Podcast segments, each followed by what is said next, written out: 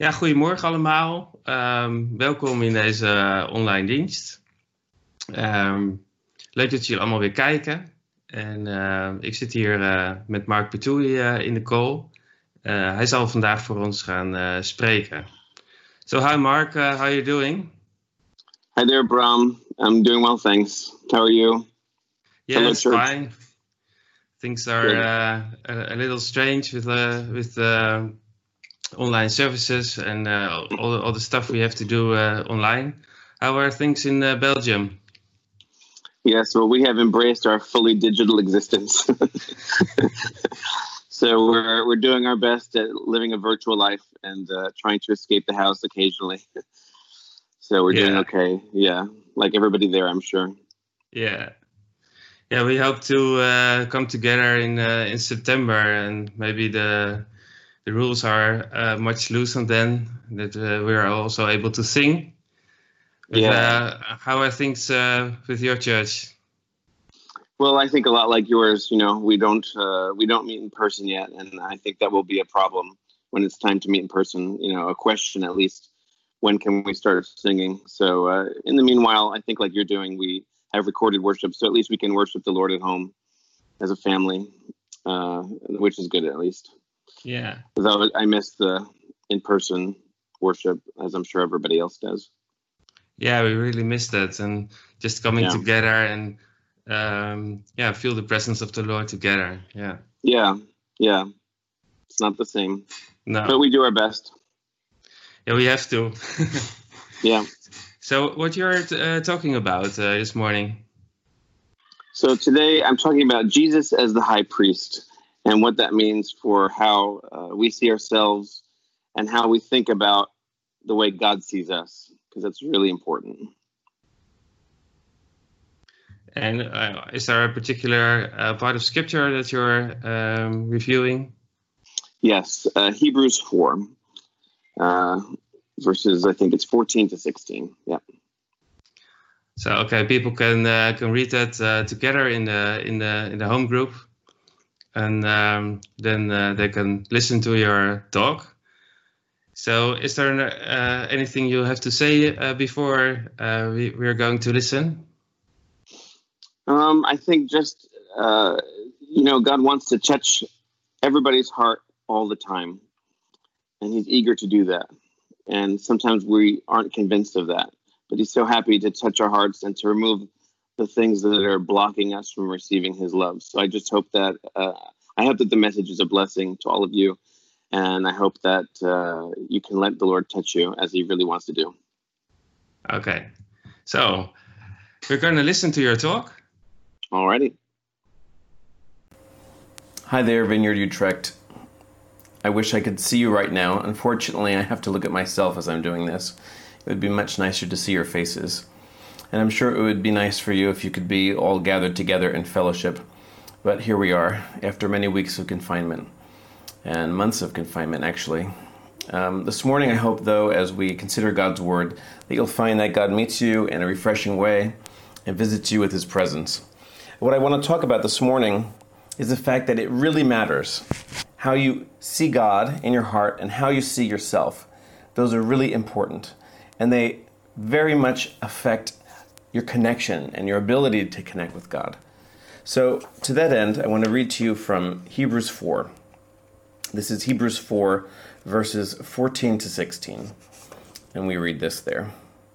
Therefore, since we have a great high priest who has passed through the heavens, Jesus the Son of God, let us hold fast to our confession. For we do not have a high priest who is unable to sympathize with our weakness but we have one who has been tempted in every way as we are, yet without sin. Therefore, let us approach the throne of grace with boldness, so that we may receive mercy and find grace to help in time of need. And this is God's word to us this morning.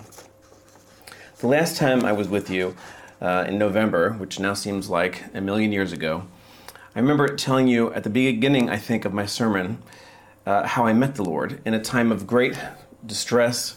Uh, I was very bitter towards God, really angry at Him. And uh, during this very dark period in my life, uh, I read a passage from one of the Gospels one day. And within a minute, I went from a place of hating God and being very bitter towards Him to this place where I realized, because of this love that was pouring into me from outside of me, I realized how good and beautiful He was. And I went from hating Him to worshiping Him and loving Him and surrendering my whole life to Him in about one minute. Uh, I had this life changing experience of eternal, perfect love. It was love that was unlike any love I had ever experienced. So I mentioned that the last time I was with you. What I didn't mention, though, was that shortly after that, really immediately after that, I started to attend as a believer now a little church in my town that happened to be very legalistic.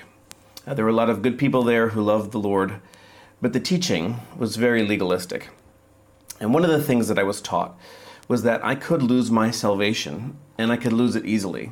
I don't believe that anymore. Now I believe, as Jesus teaches in John's Gospel, that no one can snatch you out of the Father's hand. But what I was taught as a very young believer, uh, very open, really looking to learn, was that I could easily lose my salvation. And the effect that this teaching had on me was to fill me with terror. Uh, I was living really day by day in the state of fear that I was going to do something to offend God and to lose my salvation, to find myself in hell at the end of my life.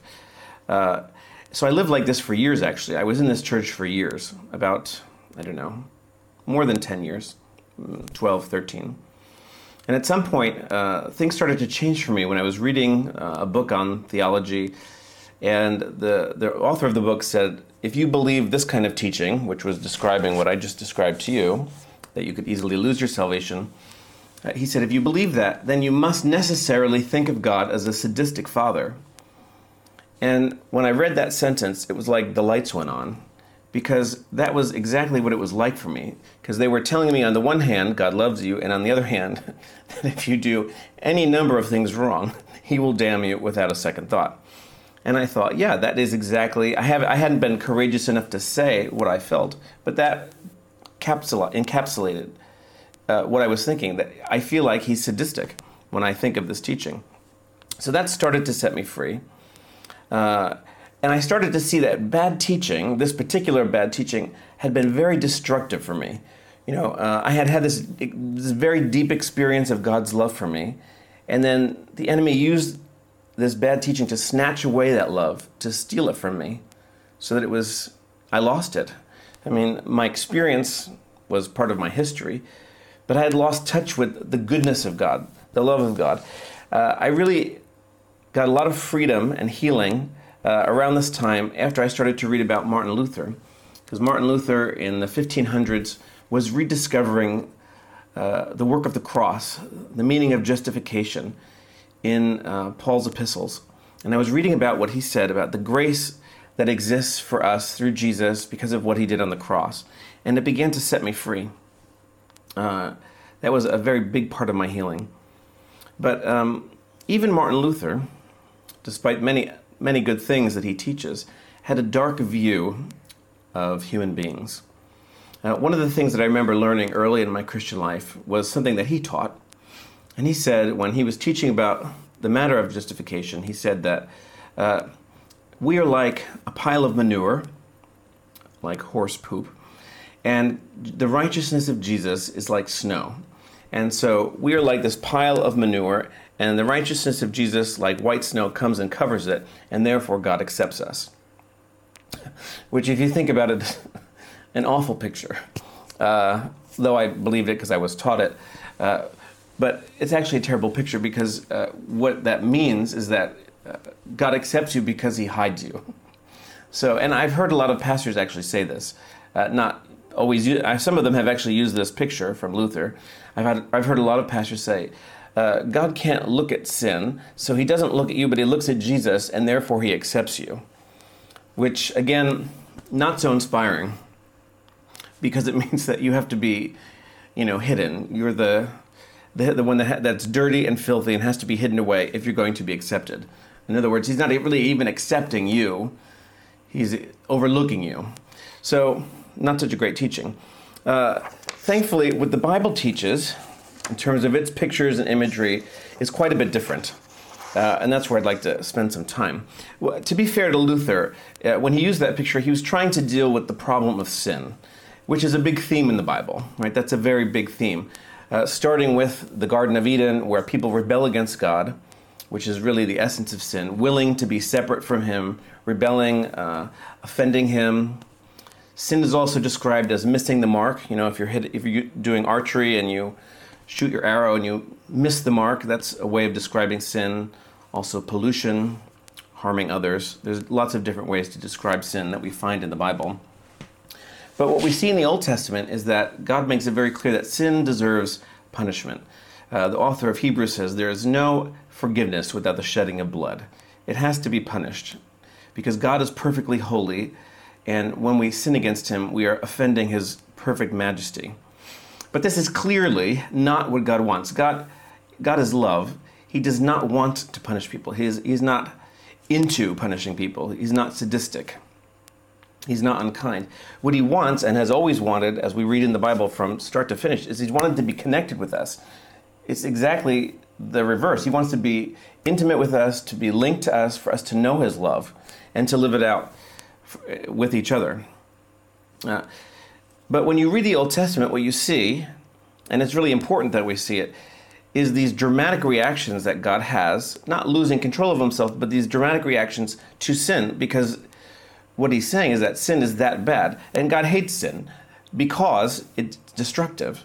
He loves people, he loves his creation, and our sin hurts other people. It offends him and it hurts, you know, we hurt each other. You know, we destroy each other day by day with our words, with the way we treat other people. Sin is destructive, and he hates that because he loves everyone and everything he's made. But in the Old Testament, you see these dramatic reactions that God has towards sin, uh, quite different with how he deals with people in the New Testament. Uh, and that's because in the New Testament, we see how Jesus has saved us from all of that but we have to understand the reality of sin in the Old Testament if we're really going to get what Jesus has saved us from. Um, you know, when people read the Old Testament these days, a lot of people uh, take offense at the way God has dealt with sin in, in the scriptures. And they think, you know, well, that's not right, and God has to justify himself. But when you read the Bible, uh, what we discover is that God is not interested in justifying himself. He doesn't need to. And actually, what the Bible says is that we need to be justified before Him. We get it backwards. Anyway, as I was saying, from the beginning in the scripture, God made it clear that He wanted to be connected with us. Uh, so He sent Adam and Eve out of the garden because of their sin, but then He pursued humanity. He called the nation of Israel through the descendants of Abraham. And uh, after the Exodus, after He gave them a way of escape from Egypt, they're barely out of Egypt when God commands Moses to build him a tabernacle.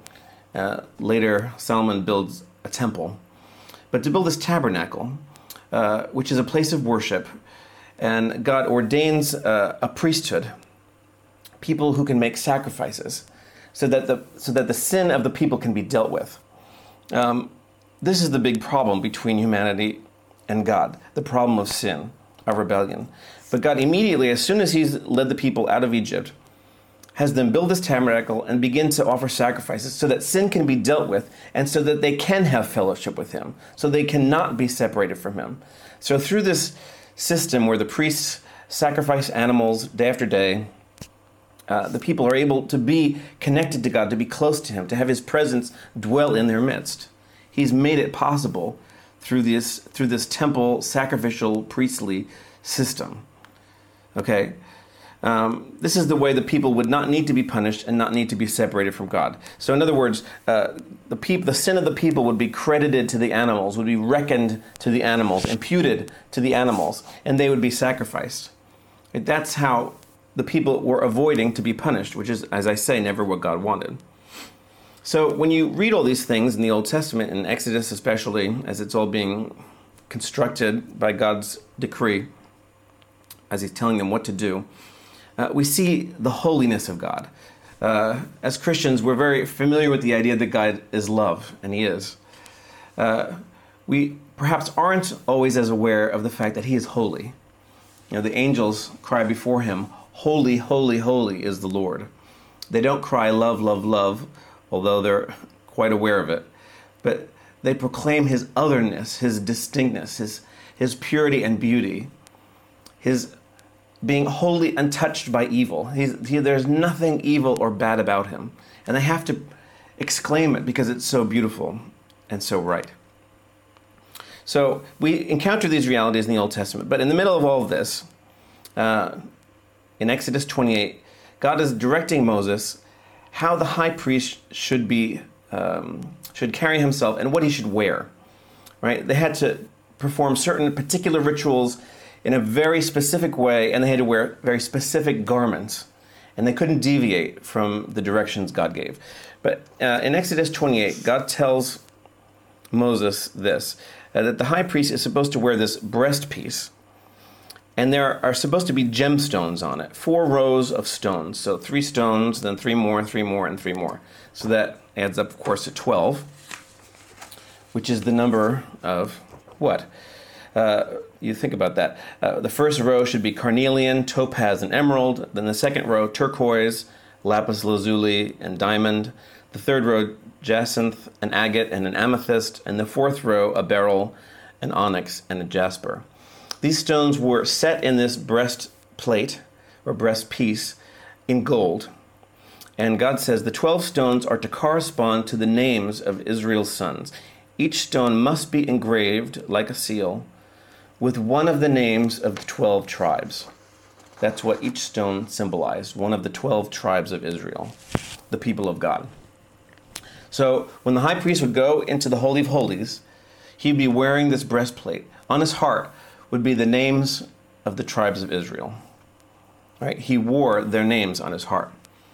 So the sacrifices dealt with the sins of the people, but the people themselves, according to the way God designed everything, were symbolized, the people were symbolized by these precious stones, right? And all these stones that I just mentioned, people still pay a lot of money for stones like those. They're very valuable, right? They're not common, they're not ordinary, they're, they're special. And, and these were made to be just perfectly uh, crafted, cut right, and set in gold. Uh, now, think of that picture. That's a picture of how God sees his people, how God sees you right? Like a treasure, like a gem. Compare that to the picture, this one picture, wasn't the only thing Martin Luther ever said, but this one picture that Martin Luther uses of the manure covered by snow. It's a very different picture, right? You get a very different feeling of that. Like, how is your feeling going to be if you think of yourself either as a pile of manure that needs to be covered with snow, or as this gem that has been has had its sins atoned for but is regarded as itself a treasure, which is what God is saying to us through the, the symbols. And that's why He instructed them to follow the symbols and the, and the directions exactly, because He wants people to know how He sees things, how things actually are before Him. Or He is actually holy, and He actually cleanses us from sin, and He actually communicates to us that we are treasures to Him, we are valuable to Him. I have a lot of respect for Luther. Um, he said a lot of important things. But we want to make sure that the pictures in our heart correspond not to what this pastor or that theologian said, but to what God has said in the Bible, in His scriptures. We know that this is how it was, uh, I'm describing to you here, of the Old Testament high priest. But in the fullness of time, the Creator God who called the whole world into existence, who called Israel into existence, who promised the people of Israel that he would send a Messiah, a Messiah came himself, this creator God, in the flesh, as Jesus, to teach us about the kingdom of God, about the, the near available reign and presence of God, and to die as a sacrifice for our sins on the cross.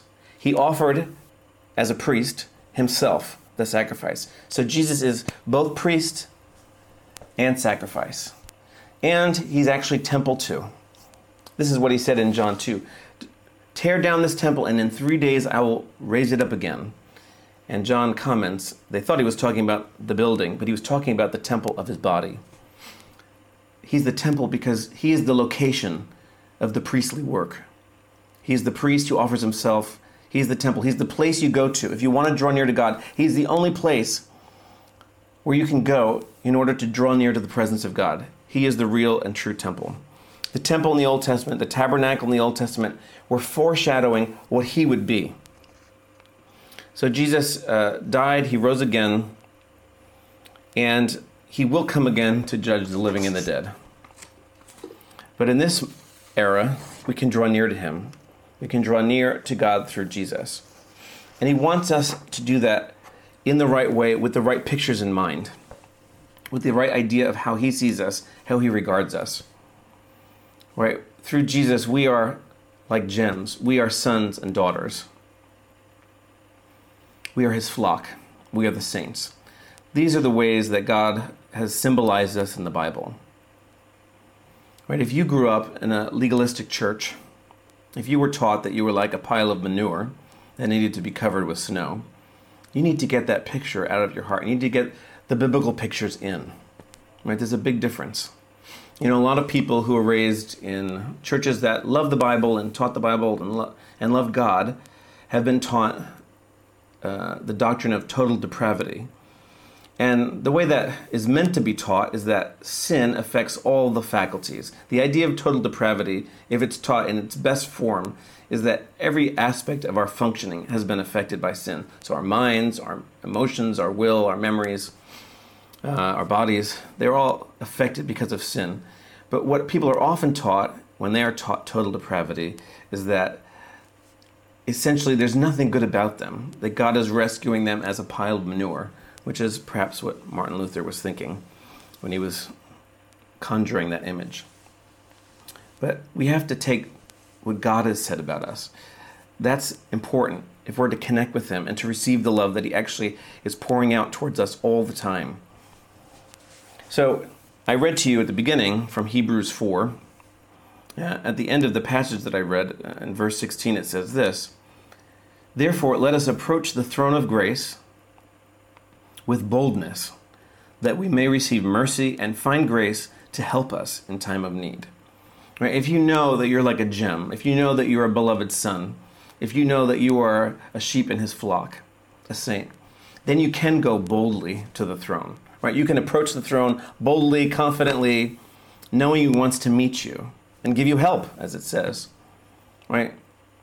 In fact, whereas in the Old Testament, only the high priests, there were priests, but there was a high priest, and only the high priest could go into the Holy of Holies, where God's presence dwelt. But here, through Jesus, we read in Hebrews 10 19, we have confidence to enter the holy places. We can go into the Holy of Holies. We can directly access God through Jesus. We can draw near to Him through worship and through prayer. We can go expectant, knowing that He will be like the prodigal father you know, the story of the prodigal son in Luke 15. Prodigal in English, I don't know what you call it in Dutch, it means extravagant. So in English, we usually call that story the story of the prodigal son. But actually, the extravagant one is the father in that story. He's the prodigal father because he's waiting for the son not with coldness and rejection, but with warmth and compassion and eagerness to receive him. So we can know, we can go to God knowing that that heart, that, that same Father's heart, will be there waiting for us. Because that's how God is. He's an affirming God. He's an, a God who pours out love. If you spend time with God in worship and in prayer, you will experience Him pouring His love into you. Maybe not every single time being conscious of it, but you'll leave your prayer time, you'll leave a time of worship with more confidence, with your voice being stronger, with your you might even find that you're you're holding your head higher, not in arrogance, but because he's affirmed you because he's drawn near and he's communicating wordlessly or maybe with words or both by his spirit he's communicating communicating dignity to you. He's just pouring it right into you because that's how he is. That's what he's like. And if you haven't been going to god's presence regularly if you've been holding back if you just haven't known to do it it may take your heart a little while to thaw out but that's okay. It's okay. He wants to pour his love into you and to deeply impact you so that you don't just know about his love, so you know it. So it's written into the story of who you are, into the fabric of your being.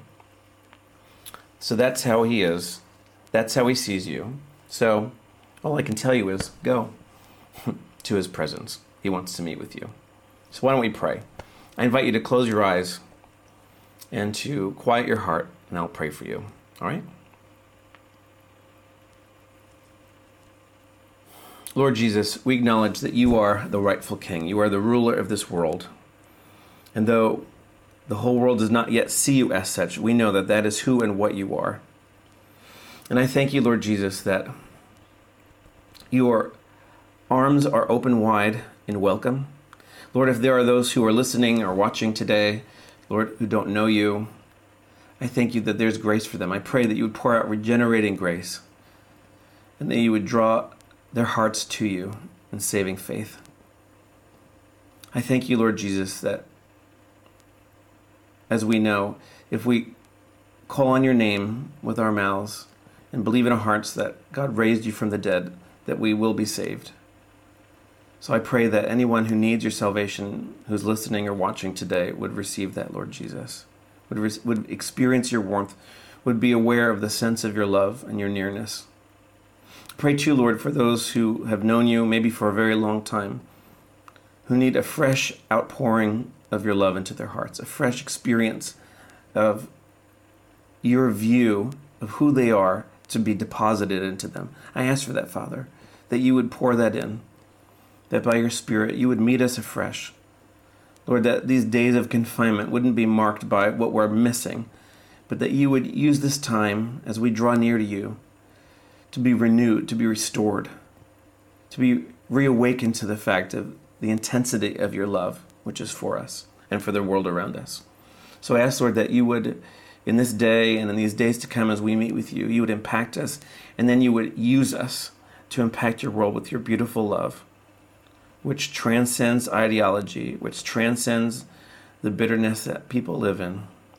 Your love that rescues us from death and from the grave. So I ask you, Father, for these things boldly before your throne in the name of Jesus. Amen. God bless you, friends.